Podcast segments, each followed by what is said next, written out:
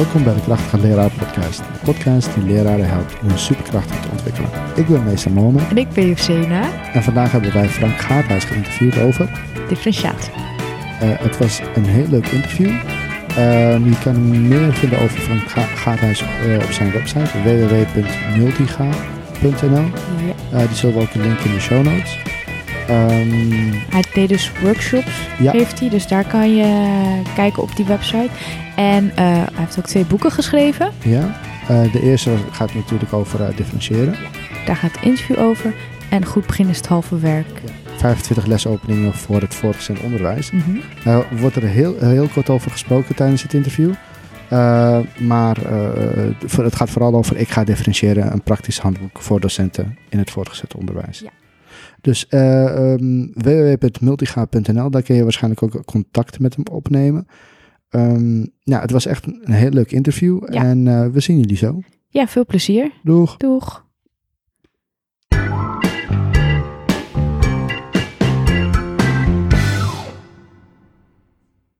Hoi Frank, dank je wel dat je gekomen bent. Ja, leuk om te zijn. Ja, ehm, we zouden graag wat meer over je willen weten. Dus zou je misschien jezelf kunnen voorstellen? Ja, natuurlijk. Ik ben eh, Frank Gaarthuis. Ik ben eh, 33 jaar. Dat, zou je, dat zie je niet aan me natuurlijk. Maar. niet. En ik eh, ben docent economie op een middelbare school in Haarlem. Ja. En ik, ehm, ik heb een uitgeverijtje. Ik geef training in het onderwijs. Ik schrijf boeken. En ja, dat is wel eens een beetje waar ik me mee bezighoud. eh. Van alle markten thuis Ja, dus. Ja, heel leuk. divers. Leuk om te horen. ja. En eh, vandaag gaan we het hebben over je boek eh, Ik ga differentiëren. En eh, veel van onze luisteraars weten het al. maar zou je ons kunnen uitleggen wat differentiëren betekent? En waar het vooral niet mee verward moet worden? Ja. ja, want dat is eigenlijk ook een zoektocht voor mij geweest. Hè? Dus als je kijkt naar het boekje Ik ga differentiëren, dan is dat eigenlijk een, een persoonlijke zoektocht naar wat is het eigenlijk. Want ik heb heel veel dingen gelezen. Ik heb ook wat dingen meegenomen, die kunnen we misschien zo nog eens bekijken. Ehm, maar ik heb heel veel gelezen over differentiëren. Ik heb cursussen gevolgd. En eigenlijk kwam ik daar steeds uit met het idee dat het heel moeilijk is. Ehm, en dan is het wel grappig dat je zegt van, eh, hè, de meeste luisteraars zullen het wel weten. Nou, ik kom op heel veel scholen en iedereen zegt eigenlijk wat anders erover. Dus ehm, ja, voor mij betekent differentiëren dat je eh, wat slimmer les gaat geven. Dus dat je gaat kijken naar wat weet ik nu eigenlijk over mijn leerlingen en op basis daarvan een les vormgeven. En dat hoeft dus niet zo te zijn dat je, dat je alle lessen die je geeft differentieert. Ik denk ook niet dat het nodig is. Ehm, maar dat je echt op basis van data, dus eh, dat kunnen toetsgegevens zijn, gesprekken, nou, allerlei eh, manieren van data verzamelen. Maar op basis van die data ga je kijken naar wat weten mijn leerlingen al, wat kunnen mijn leerlingen al. Wie zit er misschien een beetje aan de onderkant, wie zit er aan de bovenkant. En op basis daarvan ga je gewoon een goede les voorbereiden. Waarom eh, heb je ervoor gekozen om een boek te schrijven over differentiëren? Nou, ik vind schrijven sowieso gewoon leuk. Dus het is echt een hobby voor mij. Mhm. En het is een beetje uitgegroeid eh, tot eh, iets wat wel een beetje serieus is geworden. Ja. Ehm, ja, eigenlijk is het gestart met een ander boekje. En eh, nou ja, wat ik zei, het is een zoektocht voor mij om gewoon mijn lessen te verbeteren. En eh, dat gold ook voor differentiëren. En eigenlijk alles wat er is op het gebied van differentiëren vind ik vrij eh, veelomvattend of lastig. Mhm. Ehm, en, en wat jij ook vroeg, hè, Mo, van waar moet je het vooral niet mee door de war halen, is gepersonaliseerd leren. Het gaat dus niet over leren voor individuen, maar echt voor niveaugroepen. En ehm, ja, er, wordt, er worden allerlei termen gebruikt. En die boeken die ik heb gelezen, daarvan dacht ik steeds van ja, oké, er staat heel veel in. Maar hoe kan ik het nou concreet maken? Hoe kan ik nou gewoon een effectievere les eh, gaan geven straks? Ja. Dus ik heb eh, door middel van het boekje samen met eh Wies Admiraal en Michelle Gijsing, dat zijn beide taaldocenten, Mhm. Ja, hebben we gewoon geprobeerd om al die theoretische ballen zeg maar weg te laten. En heel, gewoon een heel concreet boek, praktisch boek te maken voor docenten die gewoon meteen ermee aan de slag kunnen. En hebben jullie dat op basis van, want je zegt net dat je heel veel erover hebt gelezen en dat is heel theoretisch. Ja. Maar eh, hoe zijn jullie tot het concrete gekomen? Zelf proberen in de klas of op een andere manier? Nou ja, kijk, eh, als je kijkt naar waar wij zitten in onze ontwikkeling. Ik denk dat ik zelf zit in eh, de afgelopen twee jaar ben ik echt flink aan de slag gegaan met differentiëren, inderdaad. Ehm, en en eh, ik denk dat het ook belangrijk is dat je weet van waar sta je nou zelf als docent. Hè? Dus als je eh, bijvoorbeeld eh, nog heel erg bezig bent met orde houden, Ja. zoals jullie ook met Peter Tijtler hebben besproken. ja, dan is het gewoon niet handig om dan ook hele hoge doelen voor jezelf te stellen op het gebied van differentiëren. Nee. En um, ja, dus des te verder je zit, des te meer je ook hier naartoe kunt, denk ik, als het gaat om differentiëren. En um, ja, hoe hebben we dit gedaan? We, ja, we zijn eigenlijk gewoon gaan proberen inderdaad. Maar ook gewoon uh, gaan kijken van welke perspectieven kun je kijken naar het thema. En op basis daarvan hebben we, zijn we werkvormen gaan bedenken. Ja. Sommige daarvan hadden we zelf al gedaan. Sommige daarvan hebben we bedacht. Omdat we dachten, ja, dat past precies bij, uh, bij bijvoorbeeld differentiëren in instructie of uh, differentiëren in niveau. En um, ja, uh, gewoon doen eigenlijk. Oké, okay. ja. ja. Maar um, in het primair onderwijs, dus op basisscholen, wordt er heel veel gedifferentieerd. Ja. ja. Uh, maar waarom gebeurt het zo weinig op het uh, voortgezet onderwijs? Dat is een, een hele grote vraag. Uh, maar ik, ik, denk, mijn analyse is een beetje van, van het basisonderwijs ben je gewoon met die groep de hele week. Over het algemeen. Hè? Je hebt natuurlijk ook wel eens twee klassen of gemeenteklassen. Uh, of met een collega. Maar in het primair onderwijs heb je gewoon die groep. En die, die leer je zo goed kennen. Op het gebied van persoonlijkheid, maar ook op het gebied van hun leervorderingen. Dat je daar automatisch gaat differentiëren. Uh, omdat je steeds kijkt naar waar staan ze. En uh, waar moet ik ze naartoe brengen. In het voortgezet onderwijs hebben we natuurlijk te maken met heel veel verschillende klassen. Ja. Uh, ik heb zelf, heb ik nu drie, vier, vijf, nou een stuk of zeven klassen. Ja, en die zie je allemaal een paar uur per week. Maar als je je dan ook echt heel goed wil verdiepen in waar staan ze tot leerdoelen, ja, dat is best wel veelomvattend. Dus als je kijkt naar de tijd die je hebt om uh, lessen voor te bereiden, denk ik, uh, ja, dan moet je echt keuzes in gaan maken. En ik denk dat het daarom ook in het voortgezet onderwijs gewoon nog niet zo ver is. Uh, er is vorig jaar een, een, een onderzoeksrapport gepubliceerd door ResearchNet. Mm-hmm. En die, hebben, die heeft in, in opdracht van het ministerie van Onderwijs heeft hij een onderzoek gedaan naar hoe staat het nou eigenlijk voor in het voortgezet onderwijs. En heel kort door de bocht is de conclusie, het staat nog in de kinderschoenen. Maar ik denk dat het dus ook te maken heeft met het feit dat gewoon heel veel op het bordje komt van die middelbare scholen. Hè? Ja. En dat je dus met heel veel verschillende dingen bezig moet houden. Burgerschap, pesten, um, seksuele voorlichting, alcohol, drugs, allerlei um, ja, uh, thema's die, die scholen dan zelf nog belangrijk vinden. Wij hebben bijvoorbeeld echt een cultuurschool. Nou, dan hebben we een schoolorkest, uh, we hebben veel feesten, we hebben, nou, noem het allemaal maar op. Ja. Ja, en dat, dat, dat moet je allemaal in goede baan leiden. En dat betekent automatisch ook dat je niet zoveel tijd overhoudt om uh, heel, uh, heel erg te richten op, uh, op differentiëren. Nee, het klinkt ook inderdaad, als je het zo zegt, ik heb zeven klassen. Ik schrik daar al van, want ik werk ze zelf op het PO en ik ben al best wel veel tijd kwijt aan een groepsplan maken en bedenken ja. van wow, wie ga ik waar zetten en wat ga ik daarmee doen. Maar ik zit nu te denken, is het dan niet handig als je besluit om te differentiëren op het VO, om het uh, binnen, ja, met een groep te doen, zeg maar. Met de docenten die dezelfde klasse lesgeven, zodat je uh, eigenlijk het werk kan splitsen. Ja, dat dat ik denk dat dat, dat, dat niet kan. Dat dat niet van, kan? Vanwege het feit Het is dus dat je verschillende klassen... Ja, een ander Oh, vak. ja, ja, inderdaad. Ja. Wow, Ja, maar dat is echt niet samenwerken is natuurlijk wel heel goed. Hè? Want Ja. eh, wat, wat, ik, wat ik zie op scholen, eh, ik was eh, afgelopen weken in school in Den Haag. En uh, ja, daar waren ze best wel uh, als sectie heel hecht aan het samenwerken. Uh, dus binnen een vak is het natuurlijk heel handig. Alleen, ja, je hebt verschillende groepen. Dus je, je moet toch elke keer weer kijken naar waar zijn mijn leerlingen op dat moment. ja, En dat maakt het weer lastig, want het is niet zo dat zoals hè, bij bijvoorbeeld het, het anders beginnen van een les, Hm. dat je gewoon uh, 25 uh, werkvormen hebt en dat je zegt, nou, uh, we gaan ze allemaal eens een keer uitproberen. Want dat is nog vrij algemeen en niet toegespitst op een niveaugroep. ja, Maar bij differentiëren kijk je echt naar je eigen klas. ja, ja. Nou, En als, je, ja, en als je dat bijvoorbeeld zou bekijken vanuit uh, wanneer zou je dit het beste kunnen introduceren in de studie? Want ik heb er letterlijk misschien één module over gehad en dat was ook maar heel kort. ja. En dat is dan natuurlijk heel jammer. Uh, maar aan de andere kant denk ik van, inderdaad, uh, aan het begin van je carrière, schoolcarrière, al gelijk te gaan beginnen met differentiëren. Mhm. Voordat je alle andere dingen heel echt onder de knie hebt. Ja. Wanneer zou je het beste kunnen beginnen met differentiëren in je schoolcarrière eigenlijk? Nou, ik denk dat het goed is dat er in de opleidingen wat meer aandacht aan wordt besteed. Sowieso, gewoon Ja. om, om een goed beeld te krijgen van waar hebben we het eigenlijk over. Maar dat je inderdaad ook reëel kijkt naar van wanneer moet je daar nou mee starten. Want ik denk dat het doel aan het begin van je carrière moet zijn dat je je gewoon lekker voelt voor de klas. Dat je een relatie opbouwt met die leerlingen, want dat is, staat toch centraal, hè? dat je gewoon een goede band hebt met ze. En um, ja, dan, dan als je kijkt naar wat kun je wel doen aan het begin. We hebben bijvoorbeeld een werkvorm die heet het VIP-arrangement. Dat klinkt natuurlijk heel fancy. uh, maar dat is gewoon de traditionele vorm waarbij je verlengde instructie geeft aan een groep die dat nodig heeft. Ja, en dat is een heel mooie instapwerkvorm. En dat kan denk ik iedereen. Dus of je nu aan het begin zit of je zit al tien, je staat al tien jaar voor de klas, dat maakt niet zoveel uit. Maar ik denk wel dat je eerst moet kijken naar Voel ik me al lekker voor de klas? Voel ik me prettig?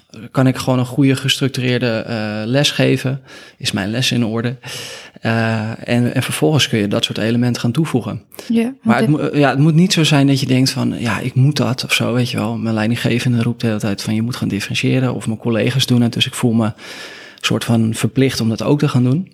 Ik denk dat je het alleen moet doen als je denkt, het, het, het verhoogt de e-, effectiviteit van mijn les je basis moet zeg maar al gelegd zijn. Want dat heeft denk ik ook met klassenmanagement en zo te maken. Want als dat inderdaad ook niet helemaal top is, dan kan je moeilijk verschillende groepjes iets laten doen binnen je ja, klas. inderdaad. Dus er gaan andere dingen gebeuren in je klas, waardoor je al er eigenlijk ervaring zou moeten hebben met andere dingen uitproberen. Mhm. En je, je, vroeg net van iets over, over keuzes.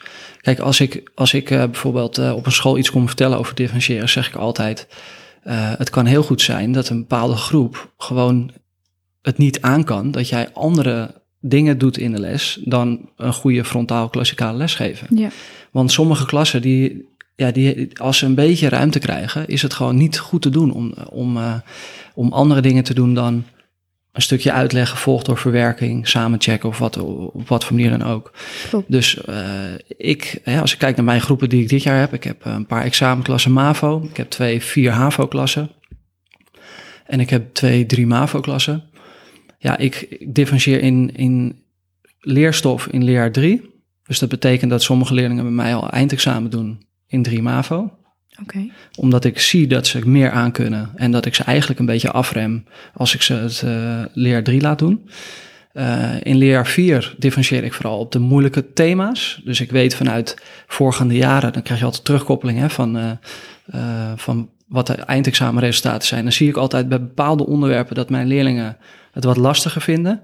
En dan maak ik dus heel bewust de keuze om op die gebieden te differentiëren. En dat kan dus betekenen dat ik uh, bijvoorbeeld over het belastingstelsel, om maar een saai onderwerp te noemen, uh, dat ik daar heel nadrukkelijk differentieer in lessen. Maar dat ik bij een ander thema waar ze gewoon altijd goed doorheen komen, iets minder doe. Ja. Zodat ik ook wel een goede balans houd tussen uh, die lessen voorbereiden en ook nog een beetje een leven hebben daarnaast. Ja, snap ik. Ja, ja. Ja.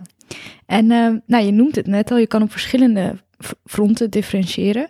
Uh, welke manieren staan allemaal uitgezet in je boek? Nou, wij hebben eigenlijk gekozen voor vier, uh, leer, of, vier ingangen. Ja. Um, en als je andere dingen gaat lezen hè, dan dit boekje, dan zul je zien dat er andere woorden worden gebruikt. Maar eigenlijk komt het steeds op hetzelfde neer. Mm -hmm. Dus wij differentiëren in instructie, leerstof, rol en leerstartpunt. Okay. En leerstartpunt, dat is eigenlijk iets wat, wat je nergens verder ziet. Um, en een leerstartpunt, om, om die maar even uit te pakken, hè, want die is uh, vrij nieuw dan. Ja. Um, wij hebben gekeken, ik heb eigenlijk in samenwerking met, uh, met iemand uit Haarlem, Gideon Beeftink. Die heeft een um, huiswerkbegeleidingsbureau. En die, die doet allerlei dingen ook daarnaast, maar allemaal wel onderwijs gerelateerd. En die kwam erachter dat twee schoolse vaardigheden, dat daar leerlingen heel veel moeite mee hadden. En dat waren woordjes leren en samenvatten. En eigenlijk gaan we er een beetje van uit. Het zit wel een beetje in studielessen af en toe. Maar eigenlijk gaan we er vanuit van ja, woordjes leren, dat kan iedereen. Samenvatten, ja, dat kan ook iedereen wel. Er wordt wel aandacht aan besteed binnen de vakken, maar niet heel nadrukkelijk. Maar wat blijkt, leerlingen die leren niet allemaal hetzelfde, de woordjes. En die leren niet allemaal hetzelfde samenvatten. En ze vinden het ja, ook best wel lastig gewoon. En dat is net als met samenwerken. Ja, samenwerken is ook niet, dat doe je niet even. Ik bedoel, wij als volwassenen hebben al heel veel moeite soms om samen te werken. en dan zeg je tegen de kinderen, ja, nee, je moet wel samenwerken. Ja. Um, dus uh, wat heeft Gideon gedaan? Gideon die heeft een, uh, een test uh, ontwikkeld. Daar zit wel echt jarenlange ontwikkeling aan vast. Um, en door middel van die test te maken, zien kinderen van wat is nou de beste manier voor mij om woordjes te leren op school en de beste manier om samen te vatten. En dat is een heel handig leerstartpunt, hè, want het is eigenlijk een startpunt waarvanuit je gaat leren. Mm -hmm. uh, omdat leerlingen zichzelf daardoor leren kennen en ze weten dus wat bij hen past.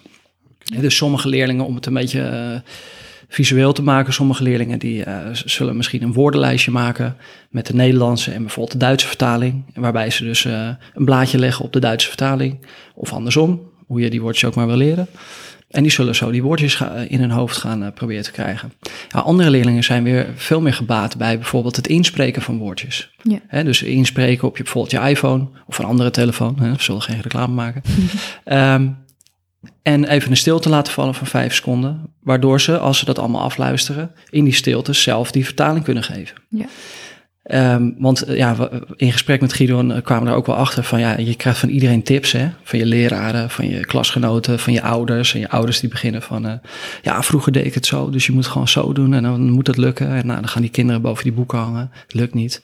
Dus gewoon heel frustrerend. Dus het is gewoon super handig dat je een hulpmiddel hebt om te kijken van wat past bij mij.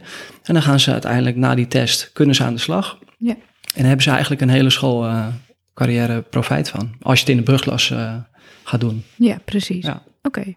Zou je die andere drie ook nog kort kunnen toelichten? Ja. Ja, dus steeds weer met in gedachten dat je als je differentieert, dat je dingen op basis van data verzamelen doet. Um, uh, kun je bijvoorbeeld uh, kijken naar uh, differentiëren in, in leerstof. Leerstof is eigenlijk de meest voor de hand liggende. ik gaf net het voorbeeld van leerlingen die bij mij in 3 MAVO zitten, die al eindexamen doen. Nou, ik ben dus niet heel erg voorstander van uh, een goede MAVO-leerling die dan HAVO-opdrachten krijgt. Want dan, uh, ja, waarvoor doe je dat dan? Wat moet je ermee? Ik wil iemand, hè, leerlingen, wil ik echt iets, voor, echt iets voor kunnen schotelen waarvan ze enthousiast worden.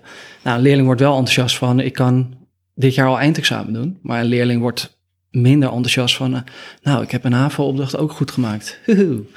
Weet je wel, dus um, differentiëren in leerstof kan betekenen dat je een, een leerling in leerjaar 3 al leer, leerstof voor leerjaar 4 aanbiedt. Uh, maar je kunt ook uh, uh, bijvoorbeeld zorgen voor een succeservaring. heel vaak denken we, dat was in ieder geval een van mijn valkuilen aan het begin, dat sommige leerlingen gewoon echt niet wilden, weet je wel, dat ze gewoon geen zin hadden. Maar wat bleek, als je dan wat verder gaat praten met ze, dat, dat ze soms het gewoon heel lastig vinden. En dan in gedrag laten zien van ja, het boeit niet en uh, laat maar of uh, ik snap er niks van. Ik heb het niet nodig. Ik heb het niet nodig, wat uh, boeit me niet, nou enzovoort. Maar later blijkt dus dat ze het gewoon heel lastig vinden. En als jij in leerstof ervoor kan zorgen dat je een succeservaring eerst aan die leerling kan, kan geven eigenlijk, dan kan hij ook weer dat stapje hoger maken. En daarvoor is het heel belangrijk. Je vroeg aan het begin van wanneer moet je nou eigenlijk starten met differentiëren? Is het aan het begin al handig? Wat ik heb gemerkt is dat het heel handig is als je overzicht hebt over je vak. Want ik weet eigenlijk nu precies wat er op het eindexamen gevraagd wordt. En dat is natuurlijk wel uiteindelijk het einddoel. Hè? Ik bedoel, uh, we leiden op voor diploma's. En doordat ik weet waar we naartoe gaan, en ik heb ook overzicht over wat moeten ze nou weten op basisniveau, op kaderniveau, op MAVO-niveau, op HAVO-niveau, op VWO-niveau. Dat zit echt niet allemaal in mijn hoofd hoor, maar dat is helemaal mooi uitgewerkt door het SLO. Ja. Um, en op het slo.nl kun je al die uitwerkingen van die leerdoelen allemaal vinden. En dat is gewoon heel handig, want dan kun je in leerstof zeggen van oké, okay, ik bied je nu gewoon bijvoorbeeld een kaderopdracht aan. En is die goed gegaan? En natuurlijk zeg je niet tegen die leerling van dit is een kaderopdracht. Maar ga deze eens proberen. Uh, en vervolgens kun je, als die leerling op MAVO-niveau zit, kun je hem weer die MAVO-stap uh, proberen te laten maken. Ah, ja. Dus dat, is, dat zijn voorbeelden die horen bij differentiëren in leerstof. Mm -hmm. uh, nou, we hebben ook um, differentiëren in rol. Je merkt eigenlijk de afgelopen jaren dat de, ja, zeg maar de, de roep om bredere ontwikkeling hè, dan alleen maar kennis uh, vergaren, uh, dat die steeds meer komt. Dus uh, we willen dat leerlingen kunnen samenwerken en we willen le dat leerlingen kritisch kunnen denken. En ik zeg we, maar meestal is het gewoon de overheid die zegt dat is belangrijk. Hè? Ja. dus daar heb ik ook wel weer een mening over, maar dan gaan we, dan gaan we helemaal vandaag een paar uur bij elkaar zitten. Ja. Maar um, ik vind ook wel dat het wel goed is om daar aandacht aan te besteden. Want hè, als je kijkt, je beredeneert soms heel erg vanuit jezelf. Dat moet je niet te veel doen. Maar als ik kijk naar mijn overgang van, van HAVO naar het HBO, ja, daar werd ik geacht heel erg veel samen te werken. Nou, ik had dat nou niet echt geleerd op school. Nee. Dus als je al een paar stapjes kunt maken om dat bijvoorbeeld uh, aan te leren, samenwerken, uh, of te oefenen daarmee, ehm, eh, ja, dan, dan heb je gewoon echt een voorsprong als je straks uh, gaat, hè, naar een vervolgstudie gaat, of het nou MBO is of HBO of universiteit. En daarom hebben we ook differentiëren in rol daarin meegenomen, omdat je bepaalde leerlingen heel goed in bepaalde rollen kan laten groeien daardoor. Dus als uit mijn observaties in de klas blijkt dat er bijvoorbeeld een paar hele timide leerlingen in de groep zitten, nou, dan ga ik ze een keer in een rol zetten waarbij ze bijvoorbeeld mij altijd vragen mogen stellen als enige in de groep. Waardoor ze veel meer, ook uh, sociaal, uh, moeten gaan, uh, zich gaan opstellen. Um, het kan ook zijn dat er een, bijvoorbeeld leerlingen zijn die extra oefening nodig hebben met rekenen. Nou, die ga ik dan in de rol van rekenaar zetten. En zo kun je natuurlijk eindeloos veel rollen bedenken voor je eigen vak. maar dat, heel, of dat helpt heel erg om zeg maar, heel gericht ja, leerlingen beter te maken in bepaalde rollen. Ja. Nou, en dan hebben we nog, um, welke hadden we nog niet gehad? Differentiëring in instructie.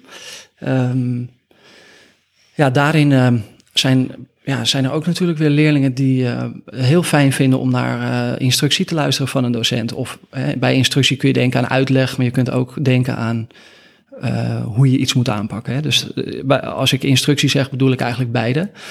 Maar als ik iets ga uitleggen aan leerlingen, ja, sommige leerlingen vinden het fantastisch om een heel leuk verhaal te horen. Dat vond ik vroeger ook altijd hartstikke leuk, bijvoorbeeld bij geschiedenis of zo. Mijn geschiedenisdocent, meneer Mokkom, die kon fantastische verhalen vertellen. Zat je gewoon een heel uur te luisteren. Maar ja, sommige leerlingen haken af. Uh, dus sommige leerlingen vinden het juist weer prettig om zich een beetje af te zonderen en een stuk tekst te lezen. Andere leerlingen vinden het prettig om een filmpje te zien. Andere leerlingen die uh, vinden het prettig om het elkaar uit te leggen. Nou, zo kun je allerlei manieren bedenken van uh, differentiëren in instructie. En dat doe je dan ook weer op basis van wat je weet over leerlingen. Ga je zeg maar die manier ook aanbieden. Mm-hmm. En dat doe ik niet elke les, maar bepaalde lessen, bijvoorbeeld in een lesserie van 10, heb ik meestal iets van drie gedifferentieerde lessen, afhankelijk van de groep. Um, en dan heb ik dus een aantal keer instructie afgestemd op, uh, op uh, die niveaugroepen. Oké, okay. ja, duidelijk. Ja. ja. Um, zijn deze methodes toepasbaar op elk vak? Ja, eigenlijk uh, proberen we altijd He, uh, we hebben nu twee boekjes gemaakt. Yeah. Probeer altijd de boeken algemeen te houden, voor, al, voor alle vakken toepasbaar. Yeah. En natuurlijk zul je zeggen bij de ene werkvorm, ja, dit is voor mijn vak misschien ietsje minder toepasbaar dan de ander. Mm -hmm. Maar in principe kun je alle werkvormen gewoon uh, voor alle vakken gebruiken. Oké. Okay. Uh, hoe deel je je leerlingen op in niveaus? Dus op basis waarvan maak je dus die verschillende groepen? Ja, nou het ligt dus heel erg aan je doel. Hè? Wat, wat voor doel heb je voor ogen? En um, wat ik altijd probeer, hè, voor mezelf in de lessen, maar ook in, in, als ik met groepen werk, uh, met groepen docenten werk, van hou het heel erg simpel in de basis. Uh, om een voorbeeld te geven, uh, procentrekenen is een belangrijke vaardigheid bij economie voor het eindexamen. Er zijn altijd wel zes, zeven vragen in het eindexamen die, waarbij die vaardigheid heel belangrijk is. Um, en dan heb ik bijvoorbeeld een les waarin leerlingen na een bepaalde instructie vijf vragen maken. En van die vijf vragen zijn er twee procentsommen bij. Nou, wat ik dan doe in mijn, in mijn vaste looproute, is dat ik heel erg nadrukkelijk kijk naar hoe doen ze die twee opgaven. Dus da, dan ben ik data aan het verzamelen. Ja. Um, zo simpel is het dus al. Hè? Want ik, heb ook, uh, ik ben ook op scholen geweest en met docenten gesproken die dan het beeld hebben dat je hele lokalen moet inrichten met kasten en mappen en of computercentra moet inrichten voor al die data. Maar het is gewoon heel simpel. Ik kijk in mijn looproute naar die twee vragen en ik zie dat uh, vijf van de, laten we zeggen, dertig leerlingen uh, die vraag met verschillende redenen niet goed hebben kunnen beantwoorden. Nou, vervolgens neem ik die data mee naar huis of op school waar je ook je les voorbereidt. En op basis daarvan ga ik dus de volgende les of een les daarna ga ik uh, verlengde instructie geven aan die leerlingen. En dat is dan zeg maar weer de, de instap. Hè? Mm -hmm. En zorg ervoor dat uh, andere leerlingen bijvoorbeeld verder oefenen of verder gaan met andere leerstof. En dan heb ik eigenlijk twee niveaugroepen. Een, een groep die op het gewenste niveau zit op dat moment. En een groep die daar iets onder zit. En die ga ik proberen naar dat juiste niveau te tillen. Oké. Okay. Dus het hoeft niet per se met uh, ingewikkelde toetsen en bijvoorbeeld. Ja, ik, ik gebruikte bijvoorbeeld de, de, de CITO. Ja. Uh, om, uh, toen ik Engels gaf, uh, voor de leesvaardigheid. En dan kon ik heel goed zien wat, voor, wat hun leesvaardigheid was. Ja. En op basis daarvan kon ik ze dan, als ik dan nieuwswijs, dus de Engelse versie van nieuwsbegrip zou, ging gebruiken, kon ik ze makkelijker indelen. Ja. En dan zag ik, ja, dus dat is ook een manier, maar je kan dus van alle, dus het kan zo simpel zijn als gewoon langslopen. Het kan simpel zijn als langslopen. Je kunt, kijk, als je naar differentiëren kijkt, dan, uh, dan moet je eigenlijk beginnen een beetje aan de oppervlakte. Ja. Dat is het handigste. Dat je gewoon succeservaringen voor jezelf opbouwt. En des te dieper je gaat, hè, je kunt natuurlijk heel veel diepgang geven aan differentiëren. Maar dat, dat neemt ook automatisch met zich mee, of dat brengt automatisch met zich mee, dat je uh, daar veel meer voorbereidingstijd voor nodig hebt. Maar hè, bijvoorbeeld uh, de CITO's die jij noemt, ja, die gebruik ik ook. Want wij hebben ook die informatie op de middelbare school natuurlijk. Um, om bijvoorbeeld te gaan selecteren in 3 MAVO of in uh, andere klassen. Van, hey, welke leerlingen zouden misschien wel wat meer aan kunnen? Want ik zie dat deze leerling is ingestroomd met een uh, HAVO-advies. Hij zit nu in 3 MAVO. Uh, misschien is dit wel zo'n leerling die potentieel um, ja, eindexamen kan doen dit jaar. Ja. Het is geen doel. Hè? Ik bedoel, soms heb je dus ook klassen waarbij dat gewoon niet aan de orde is. Dus het is ook niet zo dat ik elk jaar leerlingen eindexamen laat doen in 3 MAVO. Nee. Nee. Elke keer kan dat weer anders zijn. Ja. Uh, heb, heb, je toevallig misschien nog een andere uh, tip om uh, data te verzamelen? Ik hoorde net al gesprekjes. Ja, gesprekjes. Ja, want we, kijk, we zitten in een hele digitale tijd. Hè? Dus mm op veel scholen zijn uh, veel... Kahoot en dat soort ja, dingen. Ja, er wordt Kahoot gebruikt of uh, Socrative of Formative. Nou, er zijn heel veel hulpmiddelen. Ja. Kijk, het voordeel aan die hulpmiddelen is dat je op een eenvoudige wijze eigenlijk heel, heel mooi overzicht krijgt over je data. Werken jullie daarmee of niet? Met Formative of Socrative? Of? ik niet. Nee, ik ook Kahoot niet. Ik, Kahoot, ik ken het wel, maar ik gebruik het zelf niet. Ik, Kahoot wel eens. Ja, oké. Nou, een Kahoot, ja, dat, je ziet het overal. Hè? Dus het moet echt, uh, ja, het moet wel uh, toegevoegde waarde hebben om dat te doen. Ja. Maar je kunt bij, vanuit Kahoot ook heel mooi een Excel-bestand uh, downloaden, waarin je de resultaten ziet van leerlingen. Ja. Mm. En daaruit kun je heel mooi filteren welke leerlingen hebben nog wat nodig, welke leerlingen zitten op het gewenste niveau. Maar je vergeet bijna in deze tijd dat je ook nog met elkaar kan praten. Ja, ja. Dus vandaar dat ik ook gesprekjes samen met Wies en Michelle erin heb gezet. Want gesprekken zijn ook heel waardevol. dus als je kijkt naar bijvoorbeeld het einde van een les, um, ja, dan, eh, dan praat ik soms wel eens met wat leerlingen door. En dan probeer ik te checken van, ja, dit heb je op papier gezet, maar eh, snap je het nou wel echt? En, en, en gesprekken kunnen dus ook hele waardevolle data opleveren. Ja. Vragen naar de beredenering, van, uh, ja. laat het ze uitleggen. Ja, ja leuk, ja. goed. Um, hoe doe je dat met want ik noem net al dat het belangrijk is dat je goed kan managen, zeg maar. Ja. Hoe zorg je ervoor dat je goed kan multitasken, zodat iedereen krijgt wat hij nodig heeft in de klas? Ja, nou, in eerste instantie ga ik altijd mijn, uh, mijn, ja, mijn, mijn, mijn beeld van dat ik het helemaal perfect wil doen, ga ik al voor mezelf bijstellen. Ja. En dat maakt dat ik daar veel relaxter sta. Okay. Want een perfecte les, je hebt af en toe wel eens zo'n les dat je denkt, ja, dat ging echt top. Mm Maar je zult ook lessen hebben dat je denkt, nou die ging niet zo heel lekker. Nee. Uh, dus eerst bijschakelen voor jezelf in uh, wat is nou haalbaar. En waardoor je dus ook voor iedereen een betere docent kan zijn. Ja. Um, um, en dat managen van al die verschillende dingen, dat, ja, dat is gewoon denk ik oefening.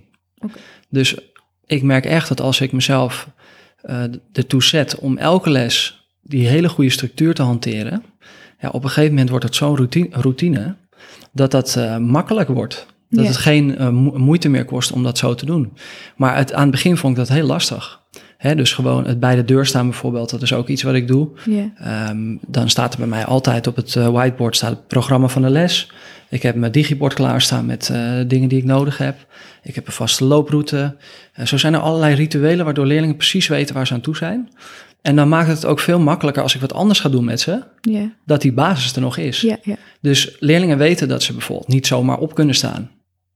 Ze mogen wel opstaan. Ik bedoel, als je bij mij in de klas komt kijken, is er een hele uh, relaxte sfeer. Maar dat komt omdat je heel erg geïnvesteerd hebt in die routines met ze. En uh, als je dan kijkt naar hoe kun je nou van, van zeg maar dat hele klassikale lesgeven naar andere dingen toe gaan, dan is mijn manier geweest om dus uh, andere dingen te gaan uitproberen. Dus wij uh, hebben een goed begin in het werk geschreven. En dat is eigenlijk de stap naar ander docentengedrag geweest voor ons, omdat wij uh, de les anders gingen beginnen.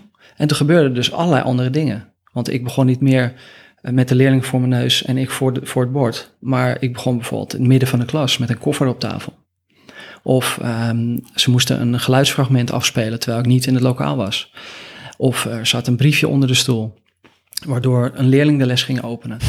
en, en dan gebeurden allerlei andere dingen. Ja. Weet je wel? En dan wordt het ook veel leuker eigenlijk. Ja, ja, ja. En dan is het ook weer makkelijk. Want dan weten leerlingen, oh ja, als we bijvoorbeeld uh, een uh, geluidsfragment uh, gaan afspelen, dan verwacht de docent dit, dit en dit van mij. Nou, dat doe je gewoon een aantal keer oefenen. Hè? Dus ik neem altijd heel erg de tijd als ik nieuwe dingen uitprobeer. Dat kan zo een halve les duren. Ja. Want dan investeer je in die werkvorm en dan weten ze als je dat nog een keer doet, oh ja, dan was dat de bedoeling en dat de bedoeling. En dan kun je ook weer makkelijker toe naar differentiëren. Want ja, als, je, als ik een klas heb die ik moeilijk stil krijg bijvoorbeeld, dan is het nogal een uitdaging om een groep aan het werk te zetten en een groep verlengde instructie te geven. Ja. Maar doordat ik met ze daar naartoe werk, wordt het makkelijker. Ja. Investeren. Ja, dus uh, ook kinderen die mij al kennen. Dus als ze bijvoorbeeld bij mij in 4 MAVO zitten of in 4 HAVO. Uh, daar begin ik altijd het schooljaar weer gewoon heel gestructureerd mee. Gestructureerde lessen, waardoor ze weer even in de werkhouding komen. Uh, en daarna ga ik andere dingen doen. Ja, oké.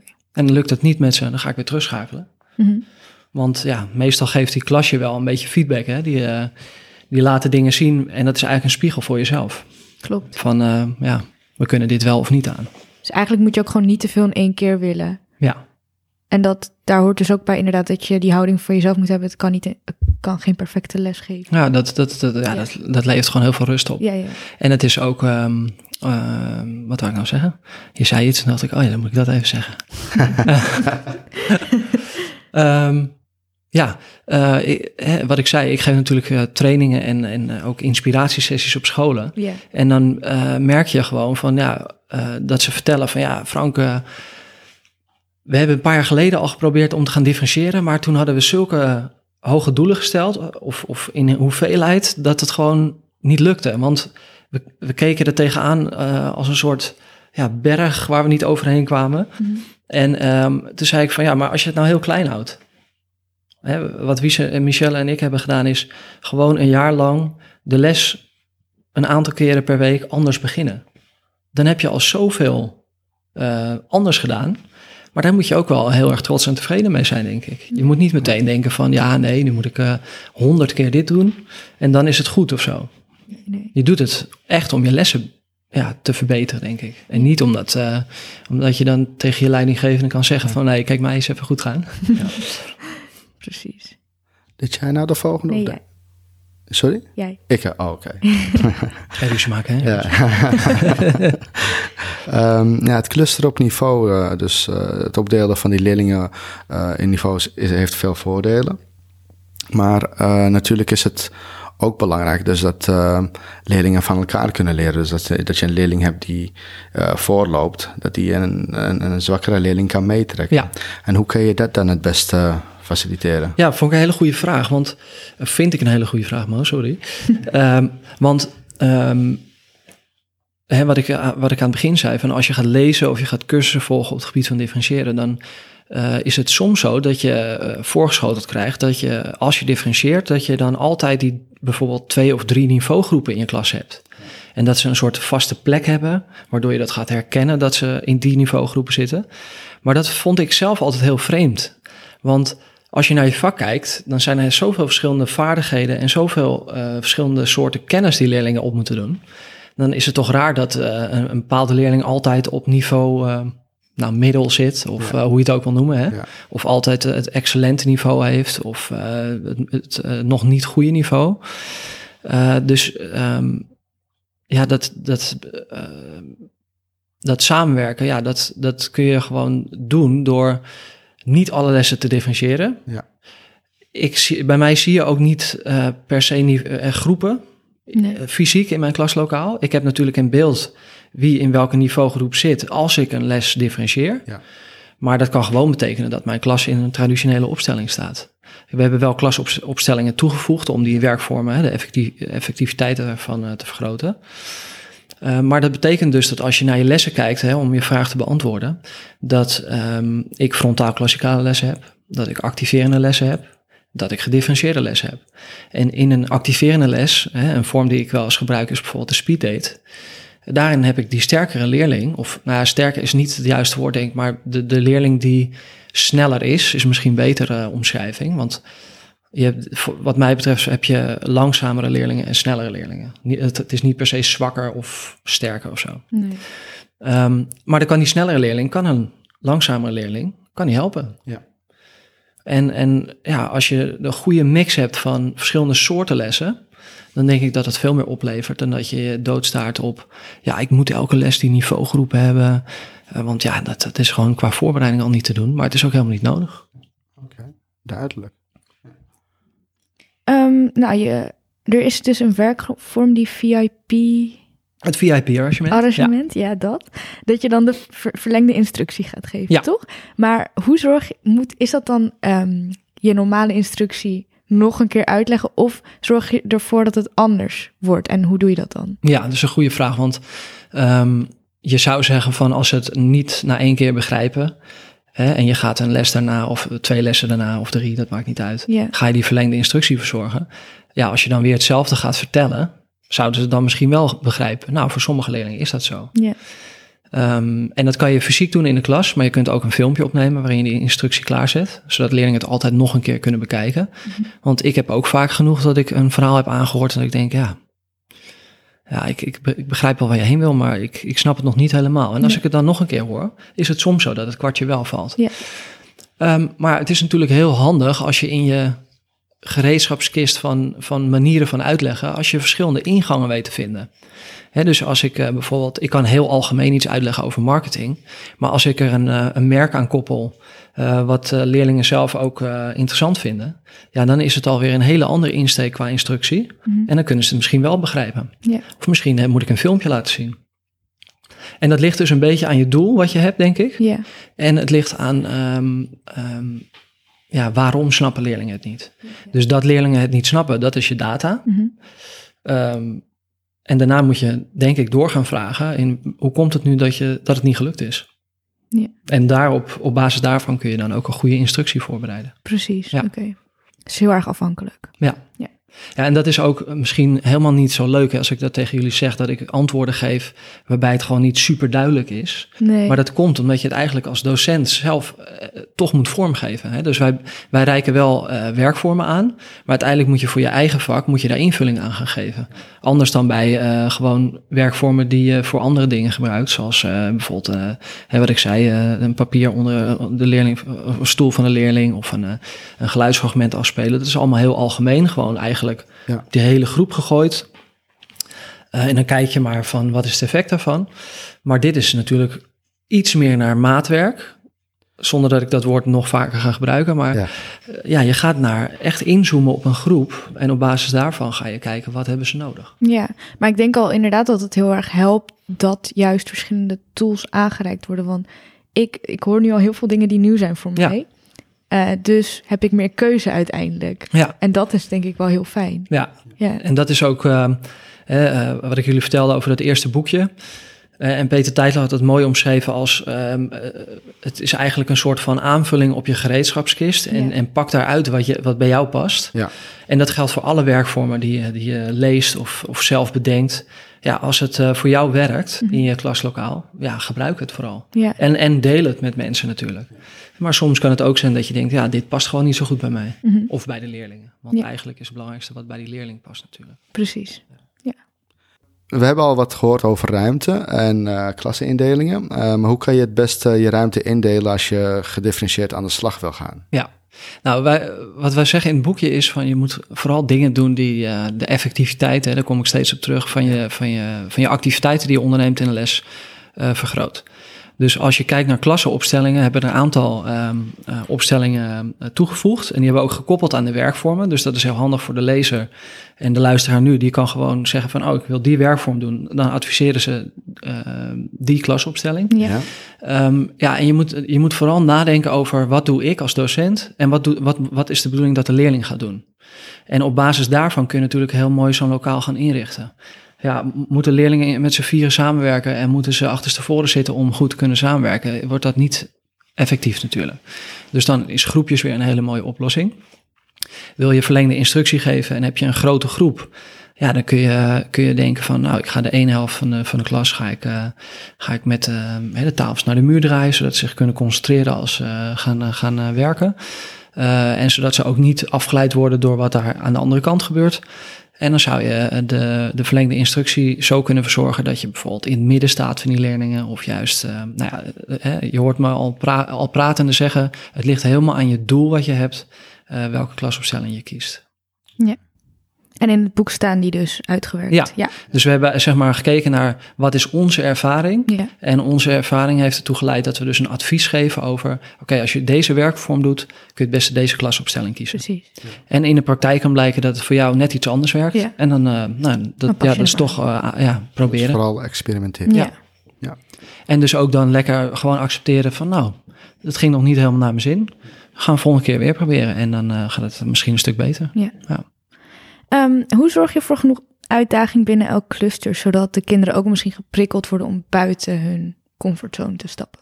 Ja, dat, dat, vond ik zelf altijd heel lastig, weet je wel. Want ik had het idee van, als ik nou zorg dat die onderkant een beetje naar boven komt, ja. dan heb ik in ieder geval iedereen bij die eindstreep. Precies. En ik denk ook dat dat een hele gezonde doelstelling is, in eerste instantie, om, om gewoon uh, aan te houden. Ja.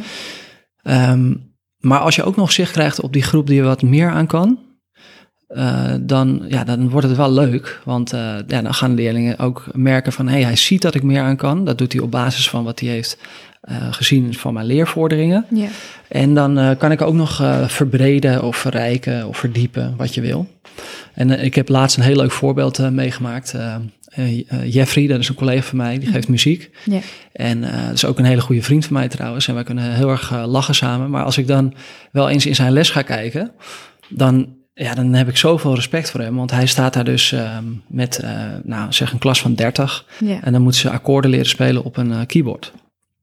Er staan er 12 keyboards. Le twee leerlingen zitten per keyboard te spelen. Ja. En dat maakt een geluid. Nou, dan word je, ik werd na tien minuten al helemaal, helemaal gek. Okay. En hij heeft zo'n blokuur, hè, bijvoorbeeld. Ja. Nee. En, um, maar wat daarbij nog was, is dat, ze, dat er ook iemand op het drumstel zat. En er zat eentje op basgitaar en eentje op akoestische gitaar. En ik werd helemaal, nou echt, ik, ik dacht, ik ben bij een concert, weet je. Maar, maar dan wel van een hele slechte band. Want Ja. die leerlingen zijn het oefenen natuurlijk, hè. Maar als ik dan ga kijken naar wat, wat is hij nou eigenlijk aan het doen? Ja, hij, hij, hij weet, die leerlingen die, uh, die, die op de drum en de, die gitaren zitten, die kunnen dus al die akkoorden spelen op de keyboards. Ja. Dus hij biedt eigenlijk die leerlingen de mogelijkheid om een nieuw instrument te leren bespelen. Mhm. Veel leerlingen die krijgen ook niet de kans om dat vanuit huis te doen. Hè? Ja. Uh, het is een beetje afhankelijk van de subsidies die naar muziekscholen gaan en zo, hoe betaalbaar het is allemaal. Ja. Maar toen zat ik wel echt te denken van, ja, dat doet hij echt supergoed, want... Um, hij heeft dus gezien, jij beheerst het en je mag dus eigenlijk als beloning, mag je ook nog verder gaan ontwikkelen. En Ja. dat vinden die leerlingen supergoed, superleuk. Werkt misschien ook aanstekelijk bij die andere leerlingen. Ja. Van, uh, wow, ik Ja. kan dus we- wel doorgroeien. Ja. Ik ben niet mijn cluster, zeg maar. Want Juist. dat kan ook wel eens Juist. gebeuren. Daarom ben ik er niet van het vaste van jij zit in die Nee, niveaugroep, nee, nee, nee. dat- want daar moet je eigenlijk van af uh, Precies. stappen. Ja, Um, ja, en, en wat je zegt, het, het motiveert ook wel. ja, ja. Hè, want uh, uh, ik, ik begon te zeggen over, ik, ik, vind, ik wil leerlingen iets echts bieden. Mhm. Dus niet zeggen van nou hier, uh, ga jij maar een, uh, een HAVO-opdracht maken. Oh, wat goed, je hebt het goed gemaakt. Ja, en nu meneer? Ja, ja nou gewoon goed. Ja. Ja, maar krijg ik een cijfer of een andere beloning? Nee, nee, dit is het. en als jij eindexamen mag doen of je mag iets anders leren wat je graag zou willen... Ja, dat, dat is motiverend, denk ik. Dus ook daarin denk ik altijd, doe nou gewoon dingen die zin hebben. Doe het niet omdat je dan denkt van, ik kan uh, een beetje, uh, ja, naar mijn collega's een beetje pochen van, ja, ik, uh, ja, nee, ik ben heel goed in differentiëren hoor. Dan moet je kijken. En, uh, nee, ik vind echt, je moet het echt doen voor die leerling. Ja. Nou. Mooi. En uh, ja, onze laatste vraag. Uh, als je nog, ja, als je maar één tip uh, aan onze luisteraars kon geven. Ja. Wat zou die tip dan zijn? Dan zou die tip zijn, ga eens een keer thee drinken bij Zena en Mohammed. Ja. Ah, Gezellig. Zo lief. Gezellig. We hebben koekjes. Daar blijft hij een beetje vanaf. Oh my god. Nee, ik ga straks toe op hoor. Straks, oké, okay, ja. goed. Nee, maar als het gaat om differentiëren, ja. dan, dan is echt, de, de, de, ik denk gewoon de beste tip van, hou het echt super simpel aan het begin. Wees tevreden met kleine stapjes. Ja. Uh, stel realistische doelen, dit zijn er al drie. Ja. Maar gewoon echt in de basis gewoon hou het echt simpel voor jezelf. Want die leerlingen, die, die, ja, die, die, die hebben ook niet behoefte aan hele ingewikkelde dingen. Die zijn echt wel blij met kleine stapjes. En met kleine stapjes elkaar optelt, kom je ook heel ver. Dus ik denk dat je het echt simpel moet houden en dingen moet doen die echt eh, de effectiviteit van je, van je lessen verhogen. Ja. En tot slot misschien, waar kunnen we je vinden en de luisteraars? Je kunt me vinden um, op, uh, op het www, het World Wide Web, uh, multiga.nl. Ja. Ik heb een bedrijfje dat heet Multiga Onderwijsontwikkeling. Mhm. Ik heb ook een uitgeverijtje, zoals ik jullie had verteld. Ja. Um, nou, boekjes kun je altijd kopen via bol.com, maar ook gewoon via de boekhandel. Welke boeken zijn dat? Um, het eerste boekje wat we hebben geschreven is Een goed begin is het halve werk. 25 lesopeningen voor het voortgezet onderwijs. En het tweede boekje heet dan uh, Ik ga differentiëren. En dat is een praktisch handboek voor docenten in het voortgezet onderwijs. Um, in principe als je in het basisonderwijs werkt of in het mbo, want daar geef ik ook uh, workshops aan, Mhm. dan kun je het ook toepassen. Maar omdat ja, mijn expertise in het uh, voortgezet onderwijs ligt, kies ik er toch altijd voor om dan het voortgezet onderwijs uh, erop te zetten, zeg maar. Ja. Oké. Oké. En uh, een e-mailadres waar ze je kunnen mailen? Ze kunnen me altijd mailen op frank.multiga.nl uh, of frankgaarthuis.hotmail.com. Ja, wat je wil. Nou, Nou, heel erg bedankt. Ja, heel erg. Ja, leuk om hier te zijn geweest. En ik hoop, uh, ik, vond, ja, ik vond het dus super gezellig. en dat vond ik ook dus als ik luister naar jullie andere podcast. Ik Ja. ga gewoon lekker op de bank zitten, theetje erbij. En dan ga ik naar jullie luisteren. Dus ik Ah. vond het echt Ja, super tof om hier te horen. Dankjewel. Hey, dankjewel. Jullie ook bedankt. Eh, doei, doei. Doei. Eh,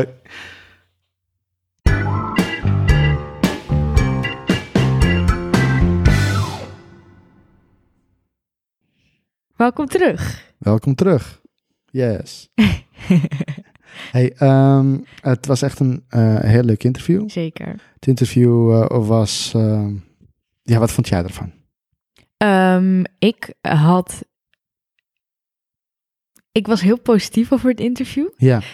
Um, vooral omdat uh, het begrip differentiëren heel toegankelijk werd gemaakt door Frank. Ja, dat is echt hetgene wat ik Frank echt wil meegeven. Hij heeft er echt voor gezorgd, dus dat uh, het heel erg toegankelijk is. Ja. Hij, hij, heeft het laagdrempelig gemaakt. Hij heeft het, uh, maakt het beschikbaar voor iedereen. Ja. En uh, in plaats van dus dat je ja, allemaal ja, hele moeilijke termen gaat zitten gebruiken van hoe het wel en hoe het niet moet, ja. heeft hij het gewoon heel, heel simpel gemaakt en heel ja breed, voor een breed publiek, namelijk en, docenten. Precies, en dan dat, dat je ook beseft dat het niet moeilijk hoeft te zijn. Het kan zo moeilijk zijn als je het zelf wil, maar Juist. het kan ook heel makkelijk zijn. Het kan ook heel makkelijk zijn, ja. En ja. dat is dus zo leuk aan die boekjes, uh, dat ze heel makkelijk geschreven zijn. Het is eigenlijk een soort van pocketboekachtig idee. Ja, zodat die, die je er gewoon bij kan houden en ja. er doorheen kan bladeren. Ja, zonder theorie. Zonder theorie, maar wel heel veel praktische uh, voorbeelden. Ja. Die je dan uh, echt uh, gelijk kan toepassen. Mhm. En ja, en uh, ik, ik, moet eerlijk zeggen, dus nadat, we, nadat ik hem had gesproken, nadat we hem hadden geïnterviewd, vond ik het boek ook ja, veel duidelijker. Ja, ik ook, inderdaad. Dus ja.